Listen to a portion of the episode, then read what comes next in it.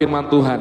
Ada janji Tuhan ya dan amin yang akan membuat kita terus bangkit dan tetap menatap masa depan dan melihat pertolongan Tuhan terjadi dalam hidup kita. Haleluya. Penyertaannya sempurna dan Tuhan pasti akan menyatakan keajaibannya buat kita. Mari saya mengajak kita semua kita renungkan firman Tuhan di dalam ulangan 31 ayat yang ke-6. Ulangan 31 ayat yang ke-6. Haleluya. Firman Tuhan berkata, kuatkan dan teguhkanlah hatimu, janganlah takut dan jangan gemetar, karena mereka Sebab Tuhan Allahmu dialah yang berjalan menyertai engkau. Ia tidak membiarkan engkau dan tidak meninggalkan engkau. Perhatikan sudah. Pernyataannya jelas. Sebab Tuhan Allahmu ia berjalan menyertai engkau. Katakan amin.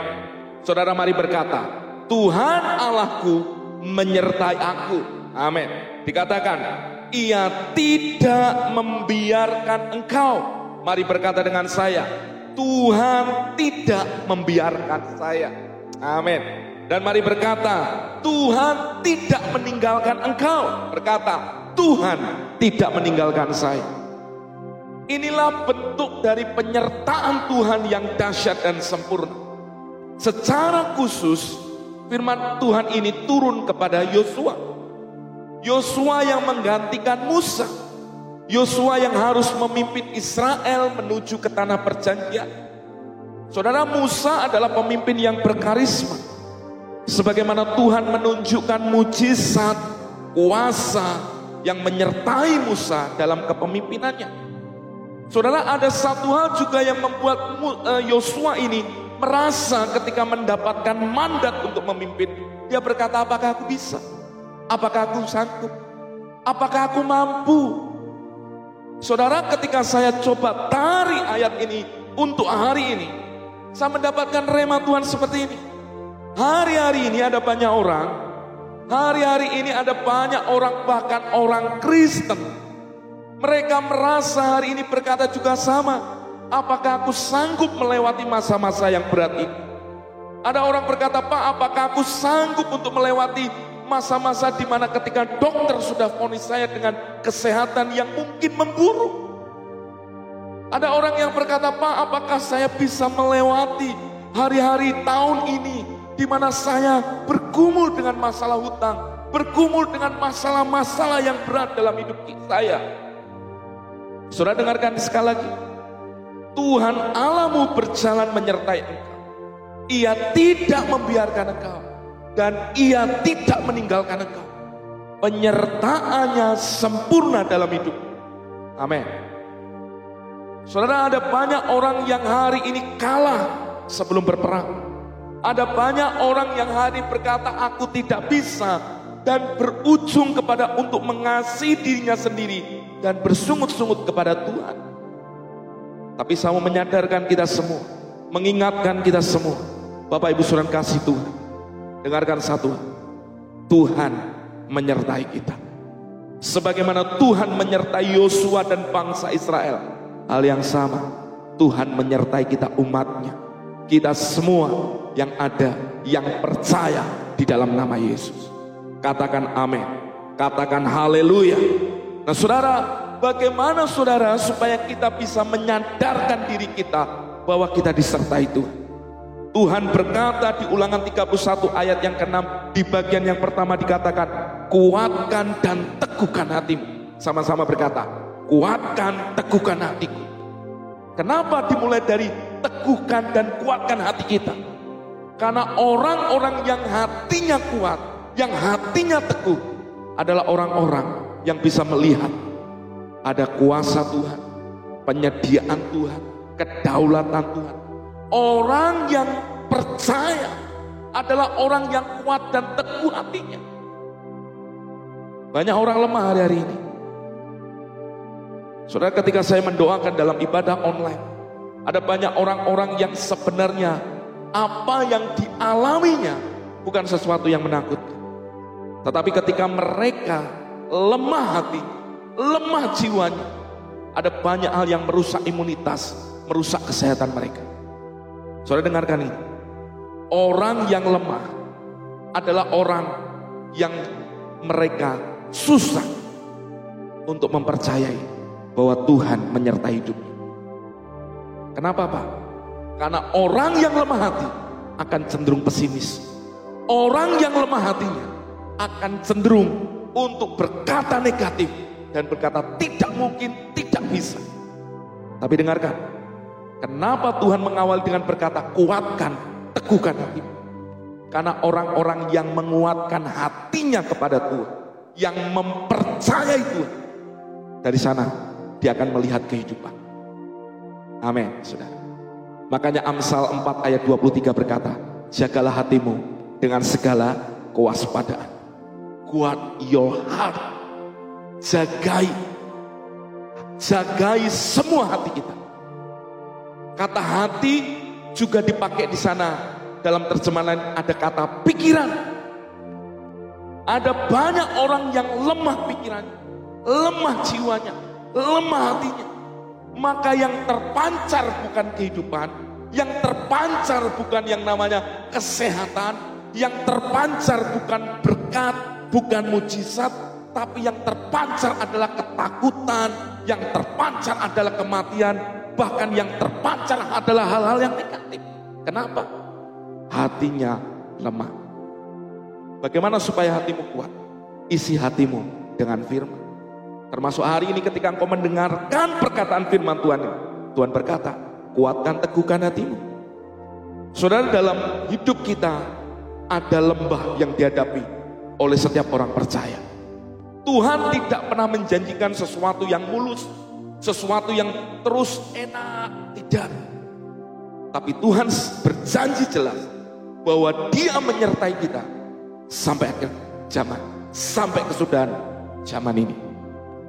Jadi saudara, ada yang di gunung, ada yang di lembah, ada yang di jalan, jalan yang penuh dengan kerikil dan batu. Ada jalan yang sangat terjal. Tapi dengarkan, setiap apa pun keadaan pergumulan yang kita hadapi, Tuhan mau engkau tetap kuatkan hatimu, kuatkan hidupmu, kuatkan jiwamu, teguhkan itu, tetap mempercayai Tuhan. Saudara kasih Tuhan, ada tiga lembah di dalam kehidupan manusia yang harus dihadapi oleh setiap manusia. Yang pertama, saya sebut dengan lembah akor. Saudara bisa cari di Alkitab ada yang namanya kata akor.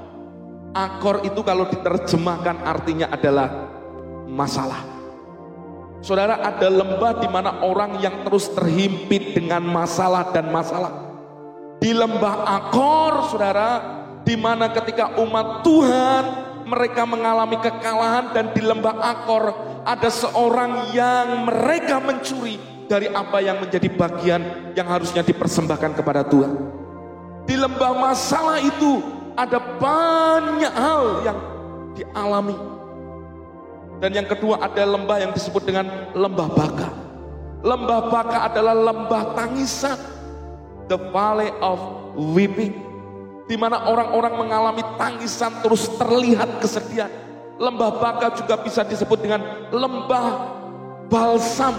Karena hanya pohon balsam saja yang melambangkan kesedihan. Yang hanya bisa yang namanya bertumbuh di lembah itu. Ini lembah yang tidak ada yang namanya mata air. Yang ada adalah air mata. Tapi dengar, di lembah akor masalah, di lembah tangisan. Dan yang ketika ada lembah yang namanya lembah kekelaman. Yang disebut dengan lembah bayang-bayang maut. Saudara di tiga lembah ini yang mungkin hari ini kau sedang menghadapi atau banyak orang hari sedang alami dengarkan ini. Tuhan tetap mau berkata kepada kita aku menyertai engkau aku tidak meninggalkan engkau aku tidak membiarkan engkau. Maka hari ini kuatkan dan teguhkan hatimu. Ketika engkau menguatkan dan meneguhkan hatimu engkau sedang menaruh hidupmu untuk mempercayai Tuhan. Lebih daripada apa pun Orang yang demikian akan berjalan dengan iman. Dan ketika ada iman, ada banyak mujizat, ada banyak hal-hal yang dahsyat yang terjadi dalam hidup. Saya tahu engkau pernah ditolong Tuhan. Dan sampai detik ini Tuhan tetap akan menolong. Saya tahu Bapak Ibu punya kesaksian di mana engkau pernah mengalami mujizat dan kuasanya. Hari ini tetap kuatkan dan teguhkan hatimu. Itu bagian kita. Percaya itu lebih daripada apa pun. Ada satu jemaat yang mereka berkata, Pak, saya difonis dokter karena cancer payudara. Saudara, akhirnya payudaranya diambil, sudah, dioperasi, dipotong. Tiba-tiba muncul ada yang namanya itu penyebarannya. Saya tetap berkata, kuatkan, teguhkan hatimu. Orang yang menguatkan dan meneguhkan hatinya. Dengar, selalu saya berkata, penyakit ini tidak akan membawamu kepada kematian, tetapi akan menceritakan perbuatan besar. Dia percaya itu, dia kuatkan kepercayaannya kepada Tuhan. Dia meneguhkan hatinya. Apa yang terjadi? Mujizat Tuhan turun dalam hidup. Amin. Saudara, untuk engkau melihat penyertaan Tuhan, engkau harus menguatkan dan meneguhkan hatimu. Ada banyak orang lemah di luar sana, saudara. Ada banyak orang yang sudah meninggalkan Tuhan. Ada banyak orang yang karena pergumulan-pergumulan hidup mereka meninggalkan Yesus. Tapi kita, sekalipun ada banyak lembah yang dialami, ada lembah akor, lembah baka, lembah kekelaman, kita alami. Kau tetap akan berkata, aku tetap menguatkan hatiku, meneguhkan hatiku untuk mempercayai Tuhan. Suatu kali Daud diperhadapkan dengan yang namanya ketika semua istri dan anak-anak mereka ditawan oleh Amalek. Semua rakyat yang bersama dengan Daud mereka marah dan hendak melempari Daud dengan batu karena kesedihan yang mereka alami.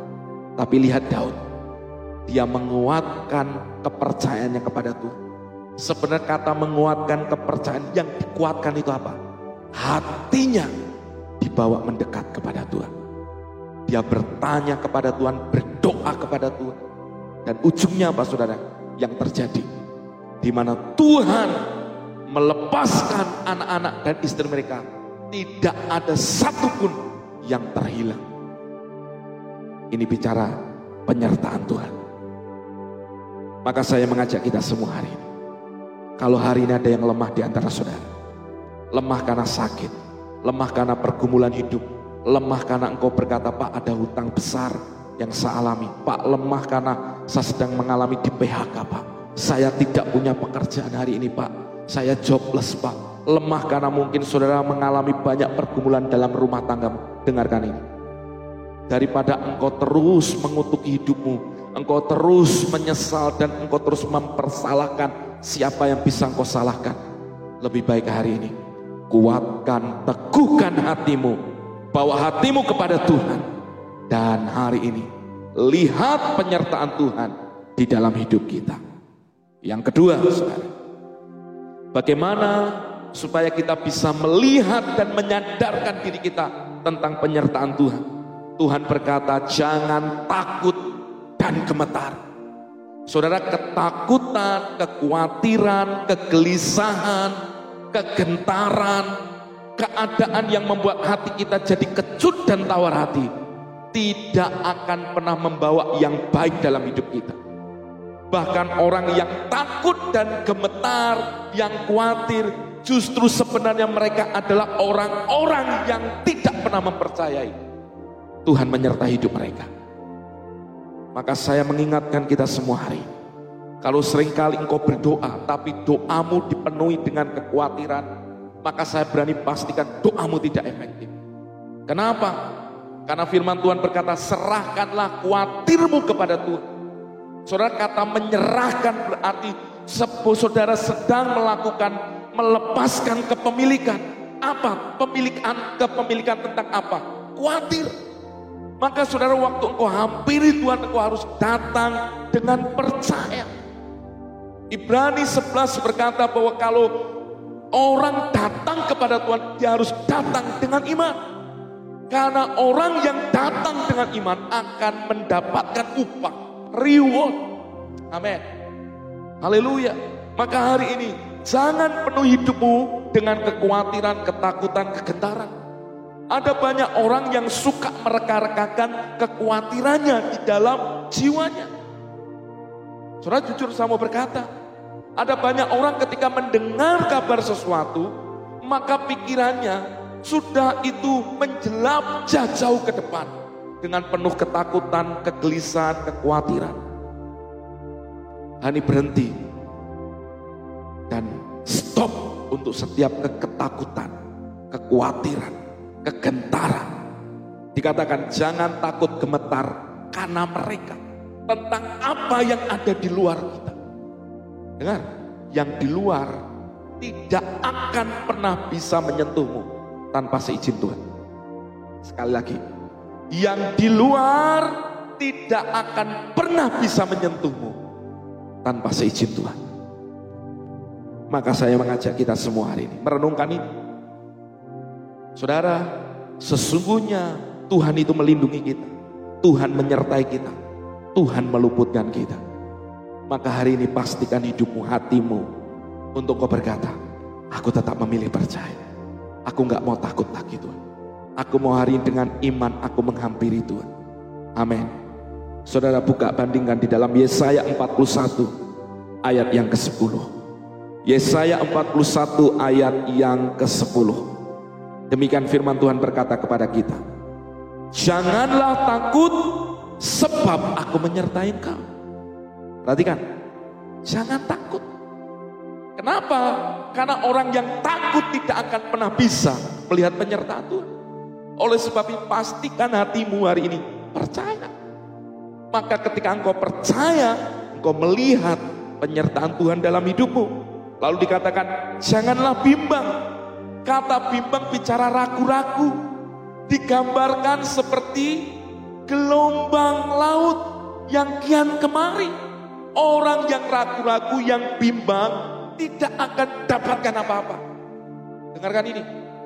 Orang yang bimbang tidak akan dapatkan apa pun. Oleh sebab itu putuskan hari ini untuk engkau tolak dan stop untuk yang namanya kekhawatiran, ketakutan, kegelisahan, kecemasan. Terus memenuhi hatimu. Stop untuk semuanya itu. Tetapi memilih untuk percaya akan penyertaan Tuhan. Dikatakan Sebab aku ini Allahmu. Aku akan meneguhkan, bahkan akan menolong engkau. Aku akan memegang engkau dengan tangan kananku yang membawa kemenangan. Perhatikan, ketika engkau memilih hari ini untuk membuang setiap ketakutan, ketakutan akan kesehatan. Saudara hari-hari ini banyak orang yang ketakutan, wah jangan-jangan nanti covid, wah jangan-jangan kena corona, wah jangan-jangan. Saudara, Percaya ada perlindungan Tuhan. Bagian kita protokol kesehatan lakukan setia. Selebihnya biarkan Tuhan yang menjaga hidup kita dan meluputkan kita dari semua yang tidak baik. Amin. Maka dikatakan apa saudara? Ketika engkau hari ini buang ketakutanmu, keraguanmu, buang kegentaranmu, buang kekhawatiranmu, apa yang terjadi? Firman Tuhan berkata, Tuhan menolong kita Pertolongan kita datang daripada Tuhan yang menjadikan langit bumi dan segala isinya. Hari ini apa yang kau butuhkan? Kalau kau berkata Tuhan aku ingin kau menolong aku dalam bisnisku. Aku ingin Tuhan menolong saya dalam kesehatan saya. Dengar Tuhan pertolonganmu. Maka buang ketakutanmu. Pikiran-pikiran negatif, segala pikiran-pikiran yang jelek, pesimis. Buang itu dari hidupmu. Jangan biarkan kekhawatiran terus bercokol di sana karena Tuhan pertolongan kita. Yang kedua dikatakan Tuhan meneguhkan. Kata meneguhkan dalam bahasa Inggris dipakai kata I will strengthen you. Aku akan menguatkan engkau. Saudara, kalau Tuhan yang menguatkan engkau siapa yang bisa meruntuhkan saudara? Kalau Tuhan yang membangun saudara siapa yang bisa menghancurkan saudara? Tidak ada. Berarti keputusannya hari ini. Buang ketakutan itu. Ketakutan, kegelisahan, kekhawatiran tidak akan menambah hal yang baik dalam hidupmu. Maka kalau engkau ingin lihat penyertaan Tuhan dalam hidupmu, buang itu semuanya. Bahkan ketakutanmu akan masa depan, anak-anakmu ketakutan akan hari esok, kekhawatiranmu akan hari esok, buang itu. Percaya Tuhan untuk hari ini, untuk hari ini, hari depan. Rancangannya buat kita rancangan damai sejahtera dan hari depan yang penuh harapan. Katakan amin. Katakan haleluya. Jadi izinkan hari ini kau mempercayai Tuhan lebih daripada apa pun. Menaruh hidupmu bukan karena situasi dan kondisi. Menaruh hidupmu bukan karena ada kondisi keuangan yang baik. Bukan itu dasarnya. Tetapi ketika engkau hari ini mempercayai penyertaan Tuhan. Karena engkau memilih, aku percaya firmannya pasti digenapi dalam hidup saya. Maka buang ketakutan ini. Saudara, saya termasuk dulu orang yang pesimis dengan masa depan saya. Saya sempat kehilangan banyak hal. Saya berpikir apakah saya bisa untuk membangun pelayanan saya. Tetapi ketika Tuhan yang mengokohkan, Tuhan yang menolong, Tuhan yang menguatkan, Tuhan yang memegang tangan saya. Saya mulai mempercayai dan membuang setiap ketakutan, pikiran-pikiran negatif, bahkan hal-hal yang membuat terus khawatir Tuhan yang memelihara semuanya. Dan ujungnya apa saudara? Saya lihat mujizat Tuhan. Saya lihat kuasa Tuhan. Amin. Amin saudara. Haleluya. Tuhan dahsyat buat kita. Dan katakan Tuhan yang menolong engkau, Tuhan yang memegang engkau dengan tangan kanannya. Yang membawa kepada kemenangan. Katakan dengan saya. Kemenangan. Katakan dengan saya. Disertai Tuhan. Pasti hidup berkemenangan. Saudara, ada banyak orang pengen mengalami kemenangan dalam hidupnya. Ngalami kelimpahan dalam hidup, ngalami terobosan dalam hidupnya. Tapi mereka lupa untuk menanggalkan ketakutannya, menanggalkan kekhawatirannya. Yesus berkata, jangan kamu khawatir akan apa yang kau makan, apa yang kau minum, apa yang kau pakai. Dan Yesus juga berkata, jangan khawatir akan hari esok Kesusahan sehari cukup sehari. Maksudnya Yesus berkata, kalau hari ini ada, belajar untuk mempercayai Tuhan. Dia Tuhan yang ada bersama kita. Dia Tuhan yang selalu peduli dengan kita. Dia Tuhan yang selalu bertanggung jawab dengan hidup kita. Kenapa? Karena dia menyertai kita, mengasihi kita. Amin.